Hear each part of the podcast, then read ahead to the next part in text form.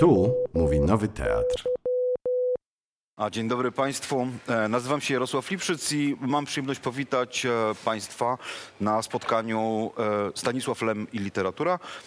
Gościmy dzisiaj w Teatrze Nowym w Warszawie. Bardzo dziękujemy e, że, m, e, e, teatrowi, który jest partnerem tego wydarzenia, że moglibyśmy się dzisiaj tutaj z Państwem spotkać. E, Bardzo dziękujemy także e, Fundacji Polskiego Funduszu e, Rozwoju, e, e, która wsparła e, organizację, e, e, organizację tego naszego spotkania. E, e, Bardzo serdecznie witam e, e, naszych e, gości. E, Piotra e, Pazińskiego. Dobry wieczór. E, e, e, i Wojciecha Orlińskiego. Przede mną stoją książki obydwu panów, obydwie w miarę świeże, jedna całkiem świeża, druga, druga, trochę druga, nieświeża. druga, druga Tak jest, trochę. jest drugie wydanie, także... Druga, tak, o, drugie, Ojej, to jest dru- drugie wydanie. Przepraszam, tak. E, No, Drugie wydanie to są e, atrapy stworzenia Piotra e, Pazińskiego i Lem, Życie nie z tej ziemi Wojciecha Orlińskiego. I, i to są, w obydwu książkach m, e, Lem się pojawia w jednej jako główny bohater, w drugiej jako jeden e, e, z bohaterów. A będziemy o Lemie rozmawiać, dlatego że, e, jak pewnie Państwo doskonale wiedzą, w tym roku przypada setna rocznica urodzin pisarza Stanisława Lema. Mamy rok lemowski i w ramach tego roku lemowskiego organizujemy, organizujemy wiele różnych wydarzeń. Zresztą podejrzewam, że dla Was to będzie pracowity rok, bo nie są to już pierwsze spotkania lemowskie, w których uczestniczycie i zapewne nie ostatnie. E, Jako wolne lektury, e, e, darmowa biblioteka internetowa, wolna biblioteka internetowa, e, nie możemy udostępniać e, książek Lema, e, e, bo w ramach wolnych lektur udostępniamy wyłącznie książki, które są już w domenie publicznej albo książki, do których pozyskaliśmy e, wolną licencję. Ale postanowiliśmy włączyć się w obchody Roku Lemowskiego w inny sposób, mianowicie tworząc kolekcję e, zainspirowaną e, taką legendarną serią książek, w której ukazało się tylko cztery tytuły. e, W latach 70. to była seria Stanisław Lem poleca i to były książki, które Stanisław Lem wybrał po to, e, e, wybrał z, z, z całej literatury światowej, żeby przybliżyć je polskiemu czytelniko, czytelnikowi. Książki, książki, e, książki ważne dla Lema. I my e, w ramach tego, w ramach tego projektu poprosiliśmy, poprosiliśmy trójkę e, lemologów, Wojciecha Orlińskiego, Pawła e, Dębińskiego i Pawła Dojna-Wąsowicza, do takiego e, e, e, też znawcę literatury nieoczywistej, o wskazanie książek, które dla Lema były ważne. I e, dostaliśmy listę kilkuset tytułów e, na różne sposoby uzasadnioną. E, I w ramach z tej listy wybraliśmy e, 10 pozycji i w ramach projektu Stanisław Lem poleca, organizowanego wspólnie z Fundacją Polskiego Funduszu Rozwoju, sukcesywnie udostępniamy te książki na wolnych, em, e, na wolnych e, lekturach. E, Chciałbym także bardzo Państwa e, zachęcić do wspierania wolnych lektur darowiznami. Wolne lektury to jest biblioteka e, darmowa, niekomercyjna, utrzymująca się wyłącznie z darowizn i dotacji. E, e, Jeżeli podoba się Państwu to, co robimy, jeżeli podoba się Państwu idea wolnego dostępu do wiedzy, idea dostępu e, do książek, i e, e, to zapraszam do e, wsparcia, e, wsparcia nas na stronie wolnelektury.pl. A dzisiaj będziemy rozmawiać, przepraszam za ten przydługi wstęp, e, e, ale cesarzowi co cesarskie. Dzisiaj będziemy rozmawiać, e, e, będziemy rozmawiać o lekturach Lema. Będziemy rozmawiać o tym, co e, Lem czytał, czego nie czytał, co Lem kochał e, i co miało na Lema wpływ. E, e, I nie wiem od czego zacząć. Wojtku, co To ja, to, gdybyś to, ja, to ja pierwszy i w takim razie już zakrzyczę i zatupię wszystko. To znaczy, jak, kiedy, kiedy zwracaliście się e, z, z prośbą o tą listę, to właściwie no, jako człowiek leniwy i zgryźliwy chciałem odpowiedzieć, że to w zasadzie nie ma sensu, bo wy już macie najważniejsze rzeczy dla Lema od dawna, czyli tak naprawdę, no, zwłaszcza teraz są matury, e, myślimy o klasyce polskiej literatury, więc po prostu nie można mówić o, o Lemie, o jego inspiracjach, pomijając takie, wydawałoby się, banalne no, nazwiska jak Kochanowski, Słowacki, Wyspiański, e, ale także Dostojewski, Sienkiewicz. e, To znaczy naprawdę e, i, i można czasami no dosłownie tak palcem pokazywać, że to jest bardzo bezpośrednio zerżnięte, zerżnięte, przepraszam, to nie jest dobre słowo. To jest hołd dla Słowackiego, to jest motyw z Konrada. To jest motyw e, Starasa Szewczenki na przykład. Lem gdzieś w którymś wywiadzie mówi, że w ogóle tak bardzo cenił sobie tego poetę, że opanował język ukraiński, żeby go czytać e, w oryginale. Chyba nie macie nic Szewczenki w wolnych lekturach, bo jeszcze chyba nie wygasły. Nie, nie, nie, nie mamy, bo z tłumaczenia... Przykłady, przykłady, no właśnie. Nie, mam, nie, nie, mamy dostępnych tłumaczeń, ale mamy Szewczenkę na liście i, i to jakby takich potrzeb my teraz w, na wolnych lekturach w miarę dostępności funduszy, więc jeszcze raz zwracam się z um, apelem. E, e, robimy także nowe tłumaczenia e, różnych książek e, i robimy nowe tłumaczenie Orwella, e, e, które już jest zamówione zresztą. E, I, Ona i, i chyba będzie upada. publikowane.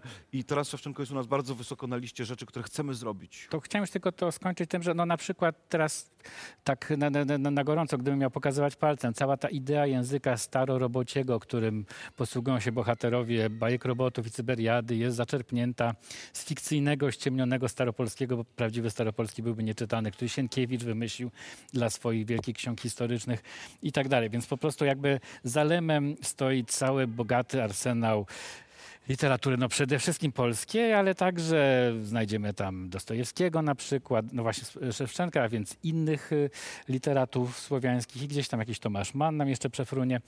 No i poza tym oczywiście trochę klasycznej amerykańskiej, nawet powiedziałbym pulpowej science fiction, którą zaczął czytać dosyć wcześnie i w ten sposób płynnie właściwie przechodzimy do, przechodzę do jednej z największych zagadek w życiu Lema. Jestem ciekaw, czy na przykład ty byś coś więcej nie chciał powiedzieć. Jest ten tajemniczy rok 1943, o którym wszystko, co wiadomo w życiu Lema się dałoby zamknąć na jednej stronie, bo cała reszta to są domysły. Tym Lem z fałszywymi papierami jako ormiański student Jan Dunabidowicz snuje się po okupowanym Lwowie i generalnie no, udaje, że go nie ma, to znaczy udaje, że jest kimś innym. Znaczy i co jest najbardziej dla mnie niesamowite, ukrywając się przed Niemcami, ukrywa się przed Niemcami w bibliotece Nur Deutsche, gdzie się najlepiej ukrywać przed Niemcami. Oczywiście i tam czyta prawdopodobnie niemieckie przekłady ameryk- amerykańskiej pulpowej science fiction, bo gdzie indziej miał się z nią zetknąć. Znaczy już do Krakowa przyjeżdża dobrze w nieoczytane. No to gdzie ją miał czytać? Nie w przedwojennym Lwowie, nieokupowanym, nie w radzieckim Lwowie, więc wygląda na to, że y, najważniejsze dla niego lektury typu science fiction czytał w tak strasznych, tak niesamowitych okolicznościach. Po prostu ilekroć o tym myślę, mam takie naprawdę ciarki, jak sobie wyobrażam, w jakich okolicznościach. Bo tam oczywiście na tej liście jest, jest ta taka klasyka, nawet niekoniecznie pulpowej, no ten, jest ten Olaf Stapledon na przykład. To nie było złe, ale, ale, ale gdzie Lem to czytał? No, le, najprawdopodobniej tam. Niesamowite. No to ja bym jeszcze dodał kilka książek, już Wojtek wymienił kilka tytułów, co, co rzeczywiście widać u Lema. To zresztą bywa czasami wśród młodszych czytelników Lema chyba takim punktem oporu, że ciekawa tematyka, ale język już nie ten, język już staroświecki i tak dalej. No to powiedziałeś o Sienkiewiczu. Rzeczywiście bohaterowie, roboty w Cyberiadzie, w bajkach robotów mówią trochę Sienkiewiczem, trochę nawet paskiem, czyli polszczyzną, no staropolszczyzną albo taką zrekonstruowaną pseudo-staropolszczyzną. Lem podobno znał trylogię na pamięć, więc to taki arcypolski pisarz, prawda, który, który, który wychowany jest na, niby tutaj cała, cała literatura science fiction świata, a jednocześnie trylogia. E, Ja bym do tego dorzucił no, kilku autorów takich. e, No, o Józefie Konradzie rzeczywiście powiedziałeś, to pewnie w tych opowieściach o pilocie Pirksie da się Konrada znaleźć. Tak? To była taka chyba wtedy chłopacka, e, jeszcze sprzed wojny na pewno, mm, bi- biblioteka takiego chłopcy po prostu czytali właśnie. Czytali Werna, które, któ- którego też warto wspomnieć. Zresztą na Werna on się wielokrotnie Lem powołuje. Y, Czytał Wellsa jako no, takiego w gruncie rzeczy jednego z ojców założycieli fantastyki, wehikuł czasu i wojny światów. E, No i właśnie Konrada, który dał pewnie rys temu Pirksowi, takiego marynarza, troszkę już smuga cienia, podróż Lord tymi Jim, Lord Jim. tak, Lord Jim tymi frachtowcami, prawda, po kosmosie, to troszkę przypomina ocean. Do tego i, i, i słychać to. Słychać Bolesława Leśmiana, Ludzie, Lem, Leśmian. Tymczasem Leśmian był ulubionym poetą Lema i Leśmiana po prostu całe frazy języka leśmianowskiego słychać w Edenie. E, no słuchajcie, literaturę grozy przed wojną przede wszystkim Stefana Grabińskiego. To nie tylko Stefana Grabińskiego, co to Lem po latach go właśnie wydał w tej krótkiej, chyba czteroodcinkowej serii opowieści niesamowitych e, w WLC, ale Grabińskiego, bez którego pewnie nie byłoby opowiadania Terminus i tych wszystkich pomysłów o takich sygnałach z kosmosu, które gdzieś przychodzą z drugiej strony. Już nieważne, czy to jest zaświat, czy to jest antyświat i tak dalej. E, I w ogóle stylistyki grozy. Przecież jak weźmiemy, akurat teraz spędziłem parę miesięcy nad opowieściami grozy, więc, więc się o tym, o, tym, o tym lubię gadać, ale nie byłoby pewnie Solaris bez, bez powieści grozy, takiej galicyjskiej czy austro-węgierskiej powieści grozy. Co czytał, mógł czytać powieści groszowe. Arcydzieła są często zrobione z rzeczy wchłoniętych, z kryminałów albo, albo powieści kupionych gdzieś, wyciągniętych z kosza na dworcu, prawda, od jakiegoś antykwariusza. Mm, e, więc, ale, ale, ale to, w tym, to w tym słychać. Janusza Meissnera, e, kultowego jeszcze po wojnie, ale przed wojną kultowego autora powieści lotniczych, który naprodukował tych książek kilkadziesiąt, ale wtedy każdy młody chłopak chciał być pilotem i nie wiem, czy Lem chciał być pilotem, ale na pewno Pirks chciał być pilotem i, i, i na pewno Pirks czytałby Janusza Meissnera, żeby wybrać sobie ten, a nie inny e, zawód. E, no to, to takie, takie podstawowe lektury, które, które, które byśmy wymienili. Oprócz tego pewnie było czytane w całej klasyce światowej, bo to słychać, zresztą on to w swojej eseistyce e, eseistyce przemyca albo wprost się, wprost się odwołuje. E, wielka tajemnica, na ile dobrze Stanisław Lem znał Biblię, czyli jeden z podstawowych tekstów kultury i czy znał ją Biblię w kanonie hebrajsko, powiedzmy mozaistycznym, czy już chrześcijańskim z Nowym Testamentem. Jak wiadomo, to się udało biografom ustalić, że zdawał maturę z religii mojżeszowej, więc no, siłą rzeczy pewnie coś tam z Biblii liznął, nawet jeśli to była Biblia już lwowskich ateistów czy, czy agnostyków. E, Znał chyba nieźle literaturę teologiczną, bo bez tego nie byłoby pamiętnika znalezionego w wannie i niektórych e, opowieści z dzienników gwiazdowych. No a jeśli idzie o literaturę naukową, to ja się nie, nie, nie, tym nie znam, ale myślę, że był bardzo gruntownie odczytany we wszystkim, co się ukazywało na bieżąco i był dziedzicem w końcu takiego XIX-wiecznego scjentyzmu, ale też austro-węgierskiego spirytyzmu. Było kilka dziwnych rzeczy. Tu trylogia to austro-węgierski spirytyzm, opowieści o duchach, a tutaj po prostu wiara w naukę i w literaturę pozytywistyczną i literaturę naukową. To trochę takie potwierdzenie, potwierdzenie tego, tego, um, tego, tego powiedzenia, że E, że, e, że największe rzeczy rodzą się na pograniczach, tak? Mhm, Tam, gdzie są, gdzie są, gdzie są zderzenia no nie wiedziałem, że można sobie czytać z notatek, no to czytujesz troszeczkę, ale jakbym, jakbym czytał, to jeszcze bym nie pominął, bo mnie na przykład uderzyło bardzo, już powiedziałeś właśnie o, o Solaris, że, że, że, nie byłoby bez tej, bez, tej, bez tej literatury grozy, ale też właśnie w tej klasyce, w tych naszych szkolnych po prostu lekturach, że to jeszcze raz y, pozwolę sobie przypomnieć, mamy dwa utwory bardzo podobne do Solaris, utwory, w których bohaterowie rozmawiają z tworami F, tak jak bohaterowie Solaris, z ucieleśnieniem ich lęków i e, fantazji i tak dalej. To są oczywiście dziady i to jest oczywiście wesele. I moim zdaniem to są bardzo silne inspiracje. Znaczy, Lem większość tych swoich największych arcydzieł pisał samemu nie wiedząc, co mu wyjdzie, jak wiadomo.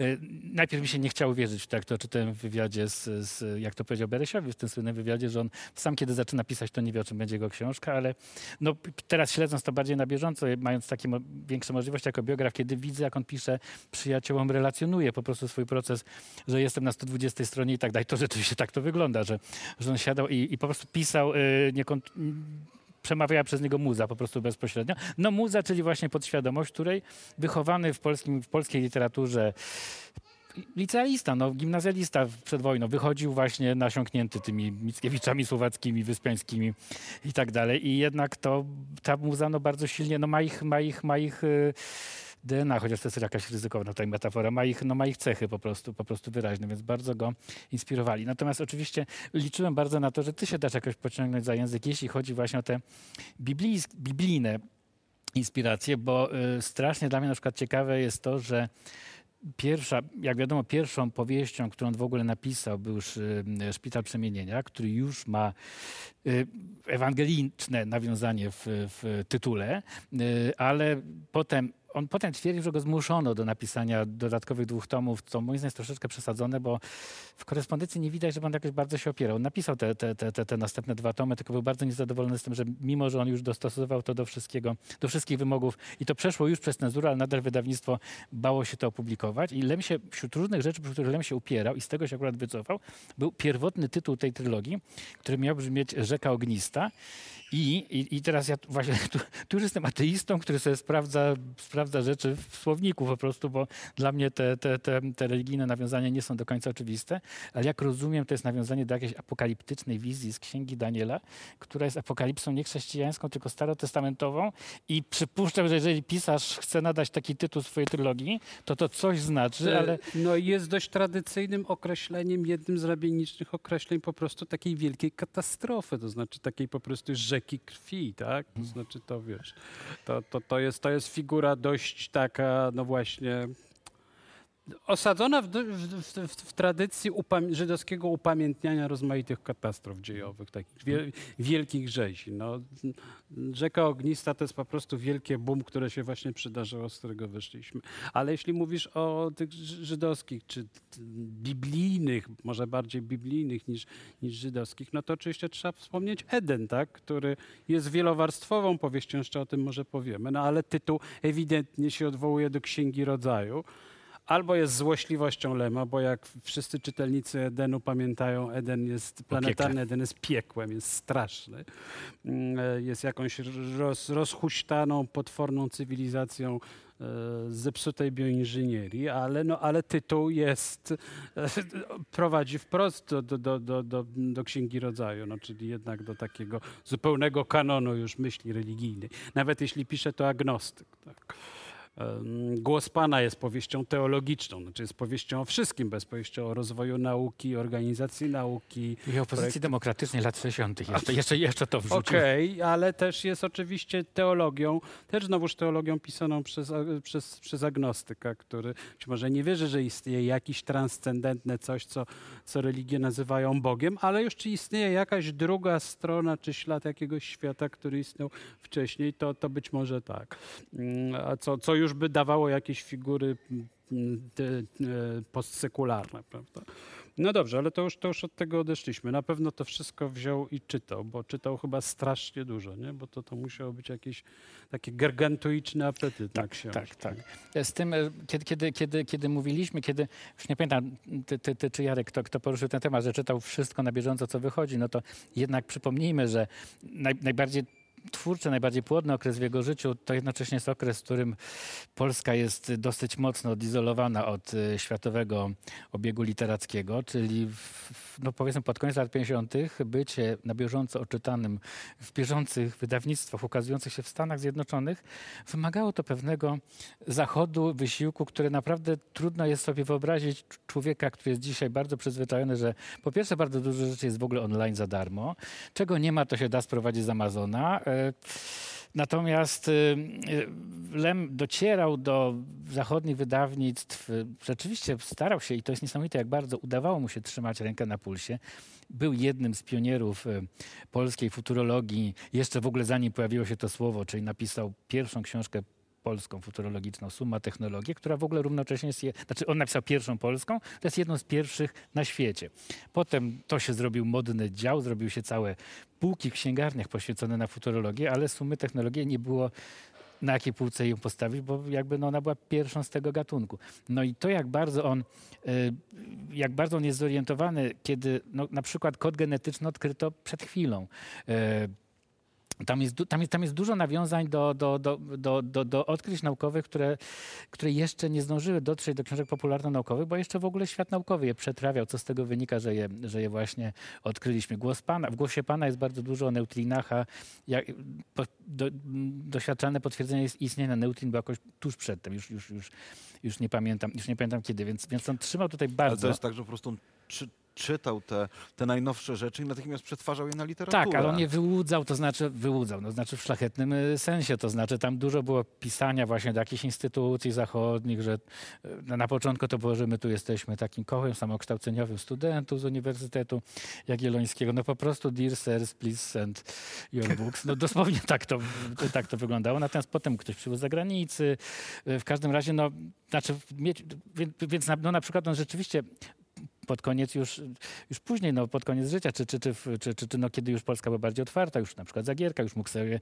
regularnie kupować takie pisma jak Scientific American, czy, czy, ale, ale, ale przedtem to było znaczy nie, nie można tego nazwać po prostu prenumeratą. To znaczy, no de facto na to wychodziło, bo regularnie to wszystko dostawał, ale wymagało to od niego strasznie dużo wysiłku. Przez to, to w związku z tym oczywiście czytał bardzo uważnie i z jakimś takim nabożeństwem, którego dzisiaj nie mamy, kiedy mnóstwo wspaniałych książek nas otacza i odruchowo je traktujemy, jak my przed chwilą z ym, panem prezesem Lipszycem. Odruchowo nie masz jako podstawki pod, pod kawę, no bo y, nie no, potem już Lem też tak traktował, ale po prostu jak się wydostało taką książkę, która przyjechała z zachodu, pachnąca jeszcze tym zachodem, to się jednak z większym nabożeństwem do niej podchodziło, tak bym powiedział. No więc Lem to bardzo uważnie czytał w odróżnieniu od na przykład zachodnich futurologów czy zachodnich pisarzy science fiction, których ponieważ mieli to wszystko pod ręką, no to na nim się zajrzeć nie chciało. E, Wracając jeszcze do tej tematyki, e, do tej tematyki, e, do tej tematyki e, ży- żydowskiej, dlatego że, e, e, dlatego, że no, Lem sam przeszedł przez rzekę ognia. Tak? Znaczy Lem e, uratował się e, e, e, ze zagłady niejako cud, cudem. E, Albo przypadkiem, jak wolał powiedzieć. tak, no. tak. Co na jedno wychodzi zapewne z punktu widzenia e, z punktu widzenia mm, z punktu widzenia czytelników. E, Ale tak, tak, bo to, to, to, to, e, to też jest autorem tego cudownego twierdzenia, że kiedy go spytano o wiarę w Boga, odpowiedział, to nie chodzi o wiarę, ja wiem, że Boga nie ma. Więc mm, ale jakby y, i, i, y, natomiast ten wątek jakby ten wątek e, ten wątek zagłady w jego twórczości on był tak naprawdę był, był o czym Wojtek pisze u siebie był przez, przez ignorowany. Znaczy jakby w ogóle nie, nie szukano tego wątku, nie, ale ten, a kiedy spojrzy pod tym kątem na, na literaturę Lema, to on jest, to on jest bardzo obecny. No to nawet nie jest pytanie oczywiście. No, W sensie otwieram pole dyskusji. To, to ja tylko, ja, tylko no, z- zaczynam od, tej- od tej rzeki ognistej To i, ja i, i, i tego wodę. Daniela. O, o, dzie- dzięki. No więc, no więc właśnie ta pierwsza książka to jest trylogia, w której główny bohater, który jest alter ego Stanisława Lema, przepraszam, że spoiluję, y, ale na koniec pierwszego i na koniec drugiego tomu w zasadzie ginie w Holokauście, to znaczy to znaczy, oczywiście tam cały czas jest podkreślone, że absolutnie w żadnym wypadku ten bohater nie jest Żydem, tylko jest osobą, która w lustrze wygląda na e, ukrywającego się Żyda, ale tak poza tym absolutnie nie jest ukrywającym się Żydem, ale jednocześnie dwukrotnie ginie w Holokauście, znaczy dwukrotnie ginie w okolicznościach, z których kompletnie nie ma prawa wyjść żywy, po czym na początku następnego tomu nie wiadomo w ogóle skąd e, w ogóle go znowu widzimy.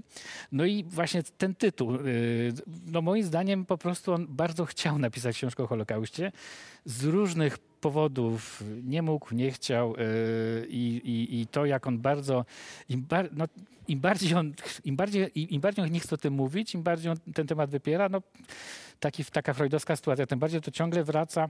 No na przykład jak wiele jest, i, i, i kiedy już to sobie uświadomiłem, no to wiele utworów Lema zobaczyłem inaczej, na które nie zwracam uwagi wtedy jako dziecko, kiedy po raz pierwszy przeżywałem przygody z jego ksią- książkami, że nawet to no, najbardziej jakby, najbardziej banalne, najbardziej powszechnie znane opowiadanie o Pirksie, to, które sfilmował Marek Piestra, w którym jako dziecko bardzo to przeżywałem, że urywają się ręce temu, temu Mhm. Kalderowi. To jest opowiadanie o robotach, które się ukrywają przed ludźmi tak skutecznie, żeby właśnie być nie do odróżnienia i w ogóle całe opowiadanie krąży wokół tego testu, jak odkryć, czy on przypadkiem nie jest ukrywającym się robotem, udającym człowieka, bo jak jest ukrywający się robotem, to się kłopoty. No to kurczę, o czym to jest? To, to, jest, to jest jakieś takie coś, że po prostu no, najbardziej, najba, na, najlepsze szyfry to są takie, że, że, że, że od razu je rozpoznajemy. A ile razy właśnie bohater Lema jest uwikłany w sytuację, w której właśnie musi się ukrywać i wszystko jest super, tylko ubocznym skutkiem tego, że się musi ukrywać jest to, że grozi mu śmierć głodowa, bo nie może opuścić jakiegoś pomieszczenia albo nie może zdjąć swojego kostiumu. To jest sytuacja y, Iona Tichego przebranego za robota na planecie, którą rządzą roboty. To jest sytuacja bohatera pamiętnika znalezionego w wannie, który sobie świetnie radzi w tym gmachu. Poza tym, że go nie ma prawa w nim być, więc on w związku z tym nie może wyjść oczywiście. To jest najważniejsza rzecz. No, przykładów pewnie ty masz tutaj wynotowanych, więc oczywiście ile Nie, nie utworów mam Lema... ale pamiętam. Ile utworów Lema jest tak naprawdę o ukrywaniu się, o Holokauście? Aż po ostatnią książkę Fiasko, która jest oczywiście z kolei parę razy u Lema pozytywnie bohaterowie występują po stronie tych, którzy komuś urządzają. Znowu zaspoilowałem, e, no ale troszeczkę o tym jest fiasko. Jest to Holokauście, który trochę wbrew sobie, ale jednak e, uruchamiają bohaterowie, więc, więc, więc jakby no, Rzeka Ognista, ten tytuł, którego on ostatecznie jednak nie użył, bo mu to jakoś wyperspadowali jednak redaktorzy wydawnictwa Czytelnik, yy, no, mogłaby być tytułem bardzo wielu książek i zbiorów utworów. Stanisława Lema, to już się, się, się, się zamknę i oddam ci, oddam ci wirtualne nie, pole. To ja, bym, to ja bym dodał jeszcze kilka rzeczy. Znaczy, po pierwsze, Rzeka Ognista to mi się teraz olśniło, że Istniała już wtedy powieść o zagładzie, nie tylko żydowskiej, tylko w ogóle zagładzie na Kresach i wielkiej katastrofie, która być może jest najważniejszą polską książką e, o, o, tym, to znaczy Czarny Potok Buczkowskiego, napisany i opublikowany chyba w 1946 roku. Więc to mogła być równie dobrze gra z tym tytułem, prawda, że ja napiszę własny. Tutaj Czarny Potok, tu będzie Rzeka Ognist. Jeśli idzie o aluzję, dlaczego tego nie poruszano? No po pierwsze respektowano, trzeba powiedzieć, wolę samego Lema. Była to sytuacja nie jedyna w polskiej, e, mm, nie wiem, e, w polskim społeczeństwie, kiedy E, kiedy wiedziano o kimś, że jest ocaleńcem, ale respektowano fakt, że się o tym w ogóle nie mówi i przez lata był to faktycznie temat tabu także w lemologii. E, za życia Lema faktycznie się tego mm, i jego żydowskości, i jego zwłaszcza przeżyć wojennych nie ruszało. On sam bardzo oczywiście to, tę sprawę maskował, no było wiadomo, że spędził wojnę w Lwowie, no ale, ale, ale jak i, i funkcjonował troszeczkę w niektórych kręgach jako kresowiak, jako polski kresowiak, który opuścił kresowy Lwów, bo przyszli Sowieci. Więc, więc to jeszcze było takie podwójnie ściemnione. Tej zagłady jest oczywiście mnóstwo. E, Wojtek już podał niektóre, niektóre tropy. No ja bym dodał Eden, prawda? Masowe groby. Masowe groby dubeltów, w których leżą ciała. No oczywiście to nie musiała być zagłada zagłada Żydów to mogło być po prostu ludobójstwo wojenne, ale jest to książka pisana 18 lat po wojnie, po, no, nie, 14 lat po wojnie. No widać to ewidentnie, znaczy masowe groby się nie mogły z niczym innym e, kojarzyć jak, jak z drugą wojną światową jest scena selekcji robotów, kiedy same roboty wysyłają inne roboty na śmierć w powrocie z gwiazd. E, no co jeszcze? No jest oczywiście Rapaport, tak? Relacja Rapaporta, przypuszczalnie autobiograficzna w powrocie, e, w głosie Pana. E, taka chyba najbardziej, najbardziej otwarcie autobiograficzna. No i różni, różni interpretatorzy szukają gdzie indziej, czy to w Solaris, czy w Niezwyciężonym i tak dalej. Tych śladów jest dużo. Ale jeśli idzie o tę żydowskość Lema, na różne sposoby maskowaną, właśnie taką marańską, tak? to znaczy, że jestem, ukry, ukrywam się, ale wszyscy wiedzą, jawną marańskość, jego status ocaleńca, który będzie się maskował na różne sposoby. Na przykład jeśli będzie używał teologii, to on nigdy nie używa teologii no, rabiniczno-mozaistycznej, tylko jeśli y, dyskutuje z, z, ludźmi wierzącymi w swoich książkach, to będzie to zawsze teologia katolicka, to będą zakonnicy, tak? Czyli bawimy się, robimy swój, swój własny ateizm od katolickiej, a nie od, a nie od żydowskiej. E, dlaczego? No pewnie nam jest z różnych względów wygodniej. A ja bym dodał jeszcze jeden element do tej żydowskości, bardzo ważny, to znaczy taki, o którym e, troszkę Wojtek pisał, troszkę Agnieszka Gajewska, jak kiedy już zaczęto mówić o, o tym, co, co, co, czym jest żydowskość Lema, to znaczy ta subklasa społeczna, z której on się wywodził, to znaczy zasymilowanego w pełni albo częściowo zasymilowanego mieszczaństwo e, polskie pochodzenia żydowskiego, nominalnie wciąż mojżeszowe, czyli to są ludzie, którzy raz do roku pójdą do templu e, w sądny dzień, albo nawet i wtedy nie pójdą e, a w praktyce wolnomyślicielskie, raczej lewicujące, lewicujące albo lewicowo-sionistyczne, w zależności gdzie ci ludzie się wybierali, czy chcieli zostać w Polsce, czy chcieli wyjeżdżać. No i wierzące w postęp społeczny, wierzące w naukę, tak? I raczej agnostyczne. To jest ten światopogląd, który do 1939 roku w tym środowisku dominuje. To nie są ludzie ani właśnie chodzący do bożnicy, ale na pewno nie chodzący też do kościoła, nie katolicy. Więc to jest niekatolicyzm, świeckość, yy, No i jednak wiara w naukę, wiara taką w pozytywistyczną naukę, która, która chyba na całym już potem życiu Lema zaciąża. Może być mizantropem i może być człowiekiem doświadczonym zagładą i katastrofą świata, ale, ale, ale jak w ten postęp nauki wierzy, to chyba wierzy, nie?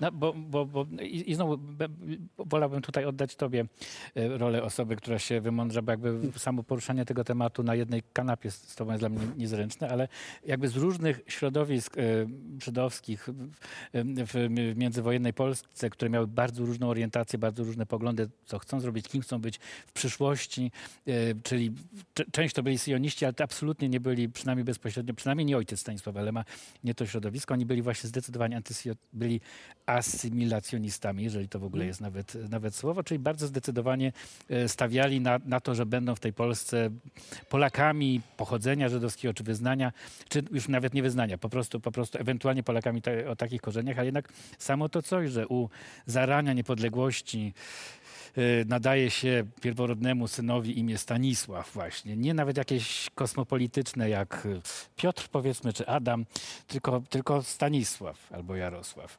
Y, Znaczy, nie, ale jeżeli, je- po prostu, nie, po prostu jasne. nazywam cię synu Polska niepodległa. Po prostu tak, takie było, tak, tak, tak, takie było mój, No i wychowujecie na trylogii, tak? Mhm, I na, I na słowackim. Znaczy, y, jak gdzieś tam wspominać, to dro, drogocenny prezent od ojca, który dostał na 11 czy 12 urodziny dzieła zebrane Słowackiego, który też znał na pamięć po prostu. I, i, te, i, te, i, te, i, te, i, te, I jednak właśnie te dzieła zebrane, że będę, przepraszam, znowu do tego wracał, do tych, do tych lektur, tam ciągle gdzieś wraca, ciągle gdzieś, na- nagle z nienacka pojawia się jakaś, jakaś świtezianka na przykład, nagle jakaś taka prymitywna rymowanka, tylko o robotach tym razem. Już nie pamiętam, to leciało, że cóż to za robot piękny i młody.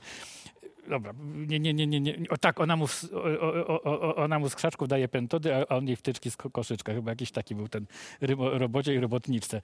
Przepraszam, właśnie zepsułem cytat, ale to, to, to było jakoś... No, tam jest dużo takich dziwnych rymowanek, przy których ewidentnie widać, że to jest przetworzenie właśnie, czy to w ogóle nawet biskupa Krasickiego, czy, czy, czy, czy, czy, czy jakiś w ogóle fraszek, że, że... Znaczy wiele fraszek, które gdzieś tam nagle ktoś, kto, ktoś do kogo przemawia, jakiś właśnie robot, po starorobociemu, to w ogóle to w ogóle jest jakaś znienacka właśnie tam ta mm, klasyka e, polskiej literatury to wychodzi. Tak więc to byli no właśnie z jednej strony, ale właśnie ty możesz o tym na pewno ciekawie niż ja powiedzieć. I była taka grupa tak bardzo, a no ten drugi to jest takie oczywiste porównanie, to są ci wszyscy z kolei, na których teraz wszyscy my tak w ogóle, wspólnota Polaków, uczymy się języka polskiego, bo oni pokazują jak, jak fantastyczne rzeczy można zrobić z językiem polskim.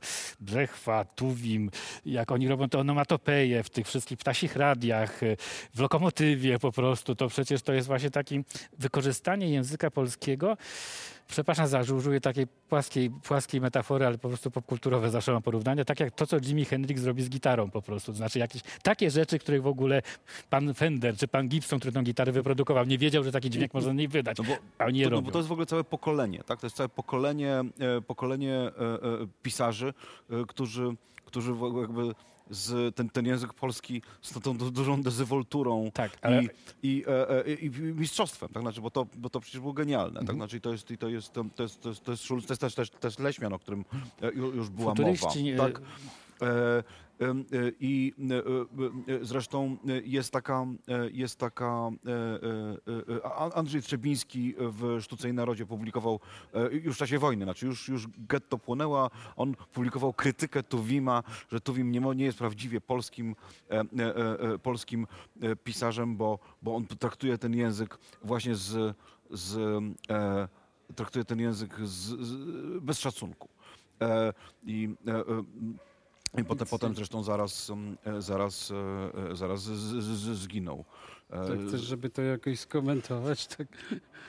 Nie no- wiem, jak to skomentować, No, ale ejku, no, pol, polscy nacjonaliści zarzucali Żydom różne rzeczy. Albo, że żydłaczą, czyli mówią niepoprawnie i psują polszczyznę, albo, że znają ją za dobrze, w związku z tym też ją psują, bo jak za dobrze, to, zna, to, to, to, znaczy, że mają też niewłaściwy, bo nienaturalny stosunek do języka, bo są na przykład w tym języku kabalistycznie kreatywni.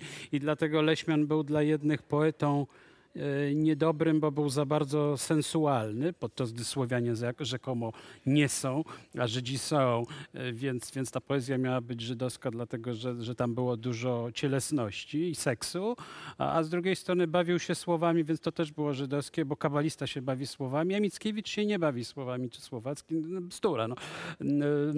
Więc słowotwórstwo Lema się bierze nie dlatego, że on jest Żydem, tylko dlatego, że jest wychowany na ogromnej ilości różnych literatur, jak myśmy próbowali tu mhm. pokazać od Wyspiańskiego, Sienkiewicza, Słowackiego, po to, co się zwykło nazywać z kolei po żydowsku szund literatur, czyli no, literaturę groszową, nie? Właśnie krymin, on przeczyta i kryminał, przeczyta i mhm. powieść o duchach.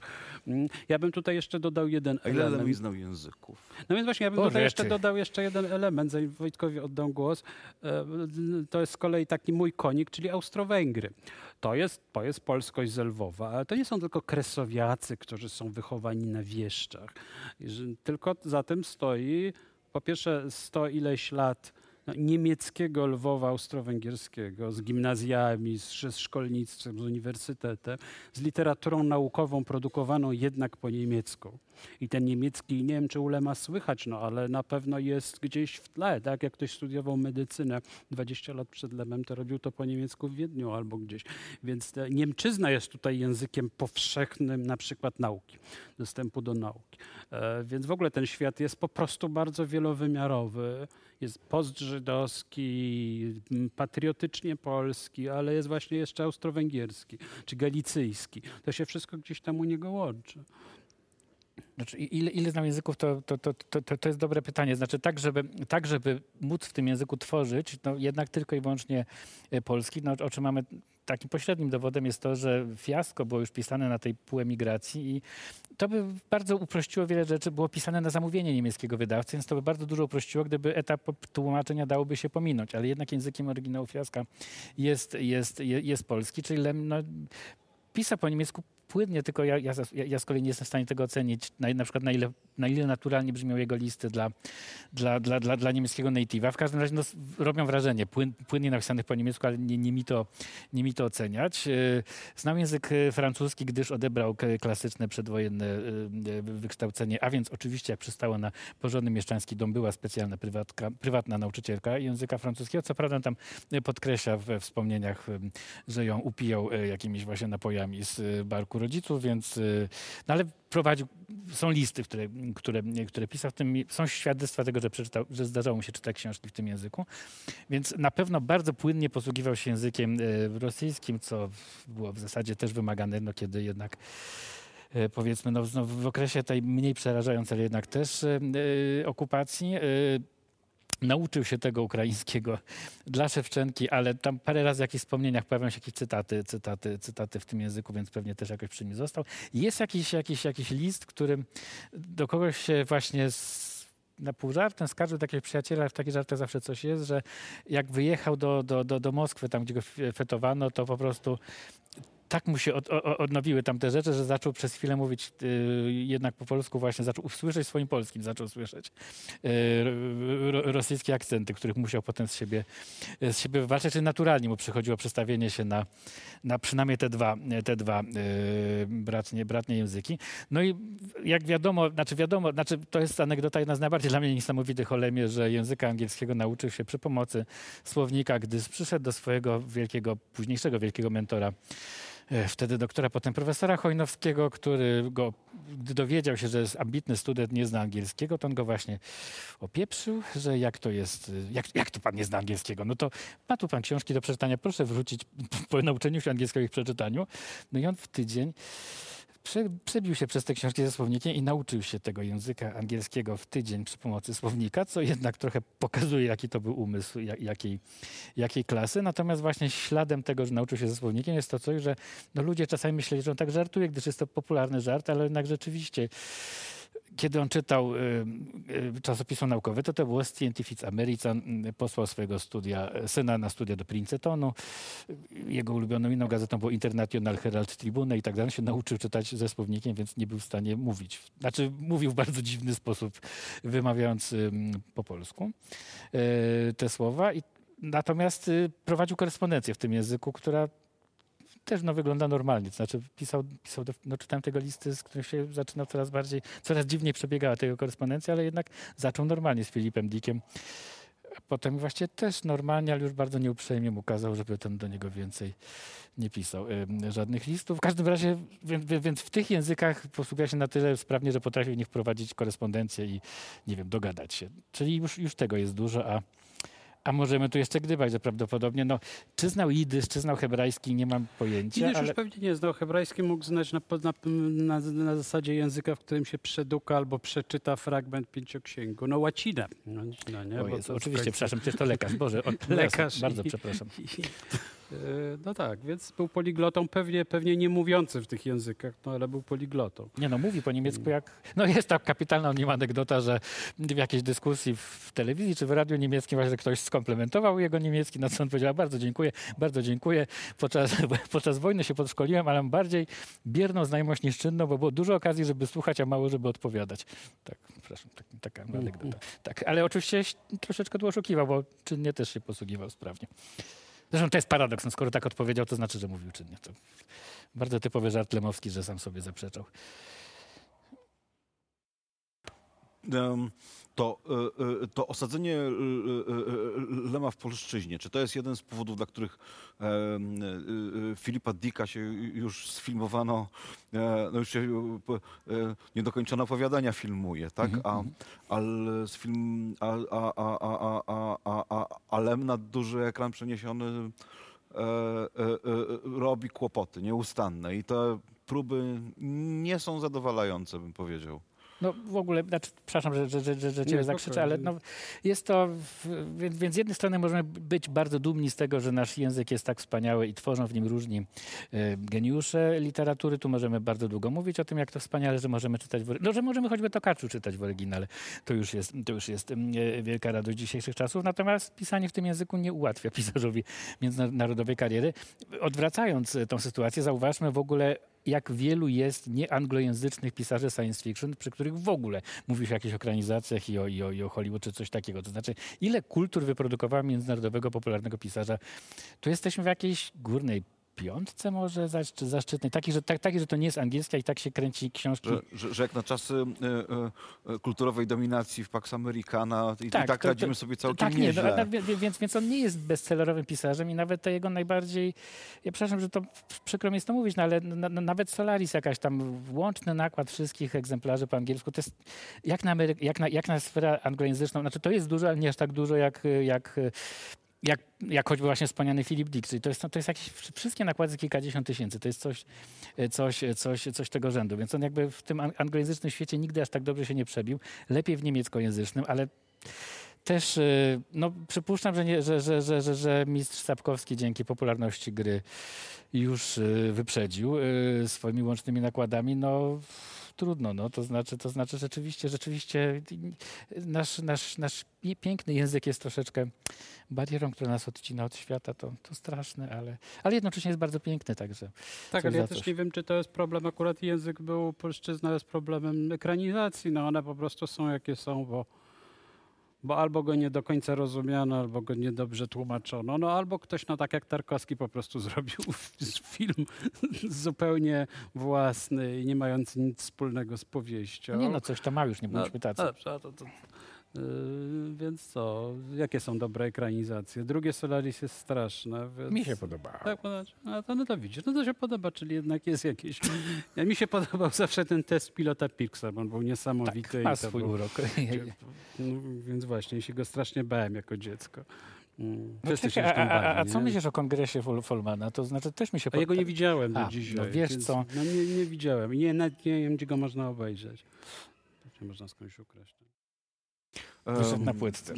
m- Mogę, mogę oczywiście polecić kilka stron. Dobrze. Em, em, Nie, w każdym razie kon- konkludując, znaczy nie sądzę, że tutaj akurat polszczyzna jest problemem. Dlaczego te ekranizacje były w większości niezadowalające? No one Znaczy, troszeczkę jednak jest, bo przepraszam, że będę się, będę się upierał przy swojej tezie i jednak cię zakrzyczę. To znaczy, zarówno ten przekład Solaris, jakim się posługiwał Tarkowski, jak i ten przekład, którym się posługiwał Soderbergh, yy, znaczy one bardzo odjeżdżają od, od, Mhm. od, od, od, od oryginału, czyli pierwszy przekład Solaris, który się ukazał po rosyjsku, na przykład w ogóle wszystkie wątki religijne, które się pojawiają w Solaris, a w Solaris zdumiewająco często bohaterowie coś jednak mówią o Bogu, właśnie a propos tych, to wszystko wycięto. Po prostu jak wytniemy w ogóle wszystkie te uwagi e, teologiczne z Solaris, No tak, ale to już cenzura jest, prawda, winna, a nie, nie, nie polszczyzna. no. redakcyjna. Nie, inst- no, ale, ale, ale, no, ale jednak jak, jak, jak masz reżysera skazanego na przykład, no to znaczy krótko Starkowski czytał inną książkę niż ty i to tak nie w sensie, że w innym języku, tylko po prostu.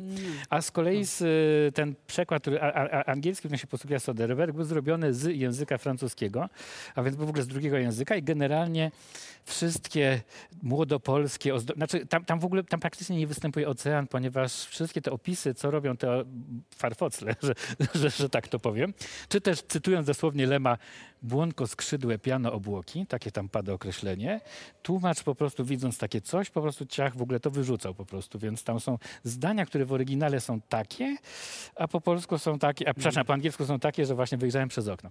I już tam nie było tego wszystkiego, co widział przez to okno, bo to już było zbyt trudne w przekładzie. Więc z kolei, zresztą, z, z, więc, więc Solaris y, po rosyjsku dopiero teraz wyszedł, wyszedł, wyszedł przekład pełniejszy. Znaczy teraz, czyli w sensie wolnej, wolnej Rosji, jeśli można użyć takiego określenia, ale przekład radziecki, znaczy rosyjski przekład radziecki, o Boże, nie wiem jak to powiedzieć, I to jest Solaris wycięte, z którego wycięto metafizykę, to tam naprawdę, no, tam tu nadal dużo zostaje, to jest genialna książka, jak to wytniemy, no to jest amputacja, a z kolei ocean jest wycięty z angielskiego.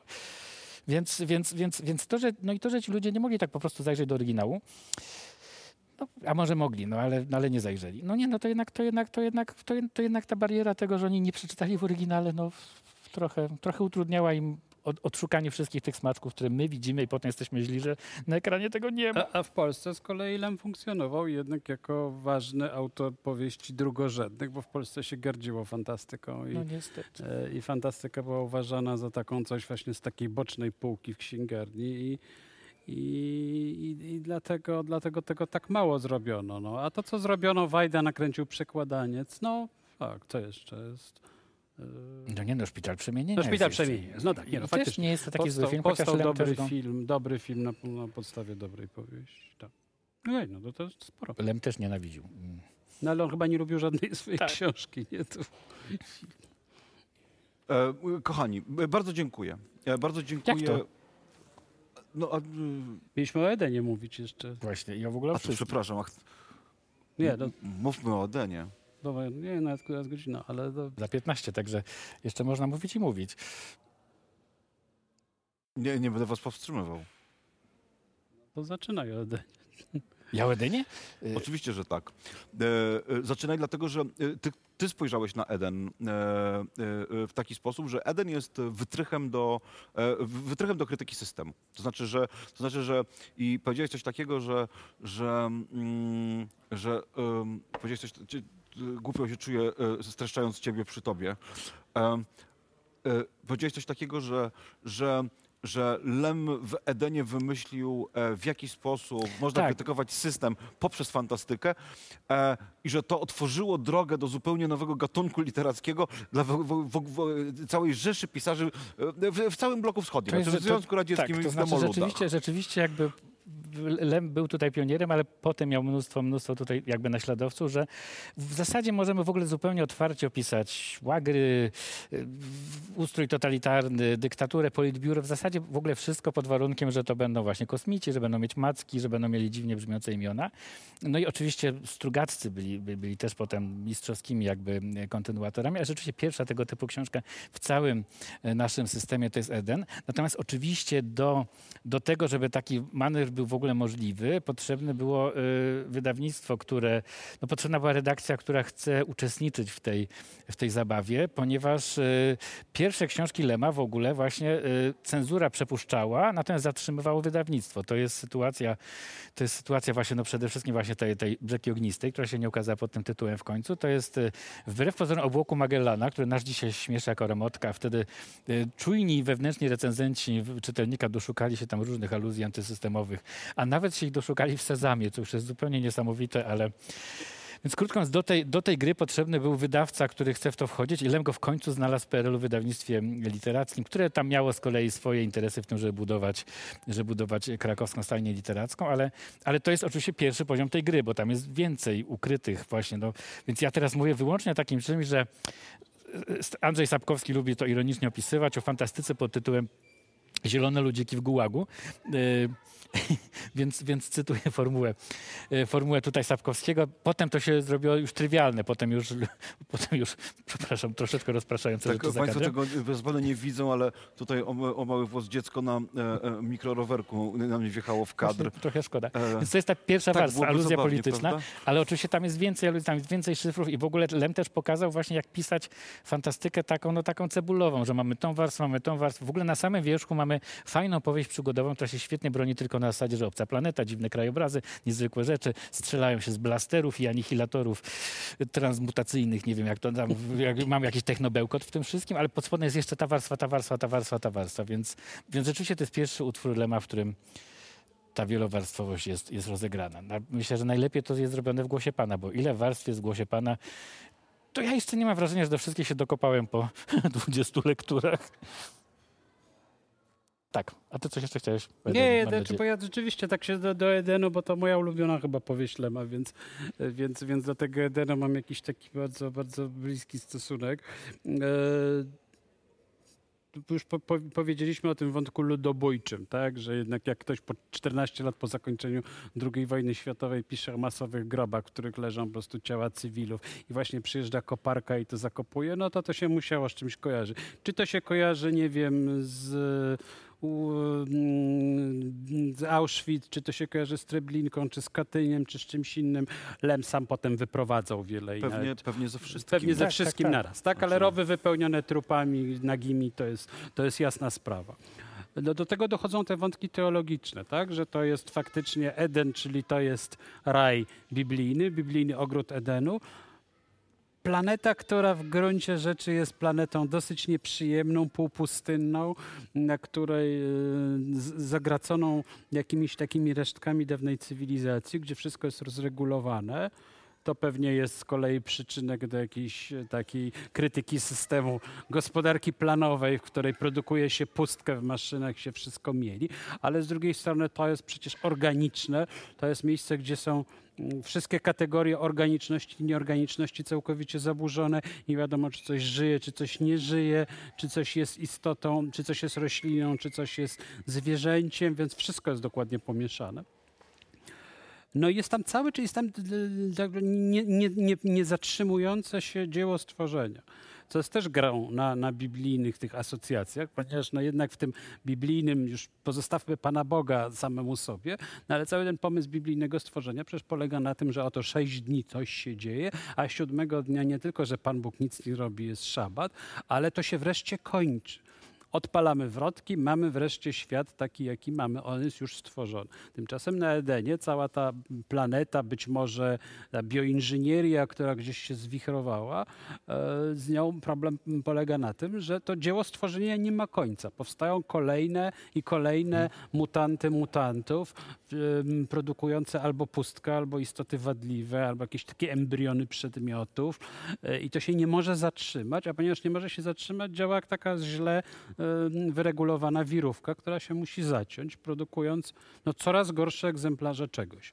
No, Lem, jak wiadomo, miał obsesję bioinżynierii i E, i, i, przewidywał chyba, chyba raczej złe skutki eksperymentowania i z naszym genotypem. nie tylko, nie tylko. Suma I, technologii jest troszeczkę Nie optymizmu. tylko tak? Jest trochę... Ale w ogóle ja myślę, że, przepraszam, bo jak już hmm. musimy kończyć, to myślałem, że zareklamujesz swoją książkę i powiesz, skąd ulema właśnie obsesja na punkcie atrapowości właśnie, tego, co masz, tego, co masz e, w tytule, czyli ten wątek y, kukła, która gada i tak dalej, no to nie Lem ją wymyślił oczywiście. To jest golem oczywiście, tak? Znaczy, no, no, właśnie, który też jest w tytule jednego z utworów. No jest tytule jednego z utworów Golem, znaczy w ogóle historia sztucznego człowieka, to, to, to troszkę wykraczamy poza literaturę. Chociaż nie, właśnie nie wykraczamy Nie, no. poza literaturę, bo sztuczny człowiek, czy to będzie żydowski golem, czy to będzie homunculus u Goethego, czy to będzie, czy to będzie manekin napędzany elektrycznością Weta Hoffmana i tak dalej, to jest właściwie no, wielki nurt y, kultury europejskiej od właściwie od starożytności. Tak?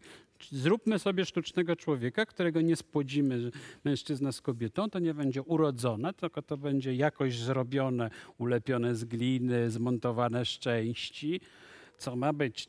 Przypominać nas samych, nie przypominać nas Nieśmiało samych. ma w ramach tych lepsze, lektur nie śmiał być przypomnę chochoła, chochoła nie śmiał przypomnę z wesela. O, No, ale... to- to- to- bo tak, i, cały, i, wo- i cała ta wątek- robotyka, Lema, robotyka Lema y, jest kontynuacją tej wielkiej tradycji kultury europejskiej. Znaczy jest tak, że w ogóle cała tradycja takiego traktowania, e, traktowania e, e, cywilizacji technicznej jako czegoś, co nie jest naprawdę. Tak? Te, te, to, te same wątki pojawiają się u, u Schulza, tak? że, że jakby te, że, że wszystko jest z papermasze, że, że generalnie i- rzecz biorąc, że, że, że, że, że dzieła rąk ludzkich nie mogą istnieć naprawdę. Tak? No Jakby, i troszkę one zawsze demaskują te że są- nasze nie, niedostateczne umiejętności stworzenia takiego że są, drugiego że są świata. podróbką, że są tam... Właśnie, bo ulema to jest zawsze ułomne, prawie, no, to jest często ułomne, często niedoskonałe, a w tej tradycji, no tak, to jestem zachodem, im to wychodzili, No nawet i, wychodziły te doskonałe, zbyt doskonałe. konstrukcje e, nieustannie się psują, są, działają nie tak jak Tak, trzeba, to jest trzeba jakaś było. bardzo tak, polska tradycja, to że jak jest- my mamy tą kukłę, to jest jakaś zaraz skopana, zaraz niedoskonała jak te manekiny u Schulza Ja właśnie nie jestem pewien, czy to jest, czy to jest, czy to jest, czy to jest, czy to jest um, U Hoffmana masz androida, który jest zbyt doskonały. W ogóle, w ogóle Zachód się zawsze bał, że stworzy zbyt doskonałego.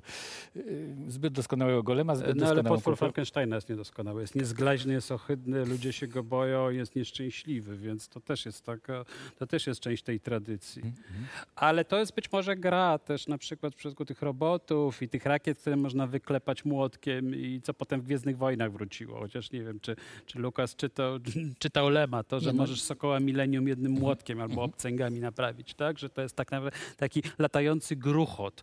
E, tego nie było we wcześniejszej fantastyce, bo tam to wszystkie te rakiety były błyszczące. Roboty były w Metropolis Langa, one są, mają po prostu pancerze takie jak, jak spod igły. A to, że Tichy lata czymś, co w zasadzie przypomina takiego dużego Fiata, e, że to jest taki, taki jednak gruchot, gdzie można tu wystawić kombinezon, tu go naprawić właśnie jakimiś kombinerkami, to to jest troszkę PRL-owskie, a troszkę takie pałubiaste w takim szulcowskim duchu, tak? Że stworzymy coś, co jest jednak tandetne, co się takie nie jest, no, jest właśnie mm, ułomne, jest niedokończone, jest troszkę tylko podróbą. E, I myślę, że Lema fascynował ten świat podrób, chociaż w Edenie ten świat podrób jest po prostu straszny, bo tam się Mhm. wycofuje i masowo zabija nieudane istoty żywe. Wszystkie tak? są Więc to- nieudane, więc... No to myślę, że to co, to, co akurat, znaczy Lukas nie czytał Lemana, to jest ich wspólną inspiracją, bo jednak to, że obaj byli majsterkowiczami, więc, więc jak, ktoś, jak ktoś sam niczego nie robi, no to może sobie wyobrazić jakąś taką doskonałą machinę, bo nie przejmuje się tym, że ktoś tą machinę musiał wyprodukować, ale po prostu Lem, jak patrzył na zwyczajnie jakiekolwiek urządzenie, no to jednak myślał o tym, że to musieli odlać, to musieli wyklepać, to musieli przyspawać, ale tak każde urządzenie, które widział, rozkładał tak w swojej wyobraźni. I dlatego u niego y, w, książce są w książkach są ciągle takie, takie konkretne sceny właśnie, że ktoś coś przykręca jakimś kluczem, że ktoś coś wkręca jakimś gwintem i mu nie pasuje ten gwint i to okazuje się, że dobrze, że nie pasuje, bo to jest fonia, to był grzejny, to Pirks ma taką, taką przygodę. W każdym razie tam ciągle są te gwinty i mutry i, i, i, i, i, nakrętki, a już choćby Philip Dick, który nie miał, nie miał takich ciągotek, to u niego po prostu w większości książek science fiction astronauci włączają tą swoją rakietę i ona I- i tak to- po prostu to- działa i tak leci. Więc to jest to z kolei cenna inspiracja, może już odjechaliśmy, bo nie literacka, tylko inspiracja. Złotej rączki w PRL-u, jak wiadomo, człowiek musiał i tak sobie sam w końcu wszystko naprawić. Chyba, chyba, chyba, w ogóle złotej rączki, bo to jest doświadczenie, doświad, doświadczenie postępującej entropii, tak, która dotyczy wszystkiego, co ma się zazębiać, e, e, włą- włączać, O wyłączać. Jezus Maria, no potem ludzie się będą ciebie uczyć. No. No, Przecież um, chyba słychać, że mówię to ironicznie. E, e, w, e, w mowie, No, ale też w mowie, ale w też mowie jest łatwiej niż Ale też tam przewiduje jeden problem, na przykład to jest w powrocie z gwiazd jest powiedziane, że ludzie się boją człowiekokształtnych robotów, co się okazało prawdą Tak. po kilkudziesięciu latach, tak? Że ludzie Dolina tak się panicznie tak boją Mhm. Właśnie manekina, który będzie identyczny i, czy robota, że wolą na przykład, jeśli robot kuchenny będzie, czy pomoc domowa będzie taką skrzyneczką na śmiesznych kółkach, czy taką beczułką, tak jak jest R2-D2 w Gwiezdnych Wojnach, niż człowiekiem, Tak, niż kopią człowieka, bo kopia człowieka jest przerażająca. Tak, Dlaczego? mają- Do dzisiaj nie wiemy, Jak- ale tak jest. No, są jakieś w ogóle, ma, mają jakieś takie wytyczne Unii Europejskiej teraz z tej, z tej dyrektywie dotyczącej robotów, że każdy robot musi mieć to wyraźnie zaznaczone, że jest robotem. I to w ogóle oczywiście, no skąd, skąd mógł wziąć takie inspiracje? Troszeczkę, oba- nie, no, no co, co robisz minę? No może można się domyślić, bo no, co, Nie, co, co jest największym strachem antysemity? Największym strachem antysemity jest Żyd, który wy, nie wygląda na Żyda po prostu i, i myślę, że no, Roman Dmowski gdzieś tam w myślach nowoczesnego Polaka właśnie ubolewa nad tym, że niektórzy Żydzi to już nawet wąsy zapuszczają No tak, żeby wyglądać na Polaków po prostu. E, I to, no więc Żyd z wąsami po prostu, który mówi doskonałym językiem polskim, jest największym po prostu snem koszmarnym Dmowskiego E, i po prostu Lem wiedział, no więc Lem wiedział, że znał taką, od bolesnej strony zdążył poznać tą naturę, tą naturę e, ludzką, paskudną tą żyłkę, że my bardzo nie lubimy, jak ktoś ukrywa swoją prawdziwą tożsamość po prostu. Więc dlatego chcemy, żeby wszystkie roboty miały no może nie zaraz naszywkę z literą R, ale jakieś oznakowanie. No to tym optymistycznym O Jezu, zakretem... ale zakończyłem, przepraszam. Może niech ktoś optym- coś no powiedz optymistycznego. coś optymistycznego. No, optymistycznie mogę powiedzieć, że, e, że w ramach, e, e, że w ramach kolekcji, e, którą przygotowujemy na wolne lektury, e, opublikujemy bardzo dużo Grabińskiego, o którym, e, o którym była mowa. I, i Lepiej które- się bać upiorów wymyślonych i niż... którego, I którego polecaliście, żeby koniecznie do tej kolekcji włączyć, więc opublikujemy i Księgę Ognia, i niesamowitą opowieść i Nietykalnych, i Świadka Materny, z wyjątków Klasztor i może Cień Bafometa. To jest jakby cała, cała wielka, wielka kolekcja, która, która na wolnych lekturach będzie się pojawiać. e, Jestem e, pewien, że Lem w zaświatach dla ateistów y, aprobuje. w regularnych odstępach aż do końca, aż do końca roku, dzięki wsp- wsparciu Fundacji Polski Fundusz Rozwoju. A Państwa zachęcamy, którzy dotrwali do końca, zachęcamy gorąco do wspierania wolnych lektur darowiznami. Jest to absolutnie niezbędne i konieczne, jeżeli lubicie Państwo czytać za darmo e, wolne książki. To płaćcie, jak za darmo chcecie, to musicie zapłacić. Już nic nie mówię. ale tylko dla tych, którzy chcą. A e, wolne lektu- z wolnych lektur korzysta codziennie prawie 100 tysięcy ludzi obecnie, bo jest e, sezon maturalny. E, I korzysta za darmo. I jest to głównie młodzież e, e, i oni, szkolna. I o niej myślmy, kochani, przerywając, e, przerywając e, e, wdowie grosze. E, bardzo Wam serdecznie dziękuję. Dziękuję. Dziękuję. Nie, to tak. E, e, e, Dziękuję, dziękuję Piotrze, dziękuję Wojtku. E, A e, z Państwem będziemy się widzieć e, ponownie, ponieważ nie jest to ostatnie spotkanie, które tutaj organizujemy. I bardzo dziękuję te- także Teatrowi Nowemu i bardzo dziękuję ekipie technicznej, której Państwo nie widzą, a która tutaj siedzi i pilnuje, żeby, wszystko, żeby nas było i słychać, i widać, i żeby e, nic nam się złego nie przydarzyło. Bardzo dziękujemy, do widzenia.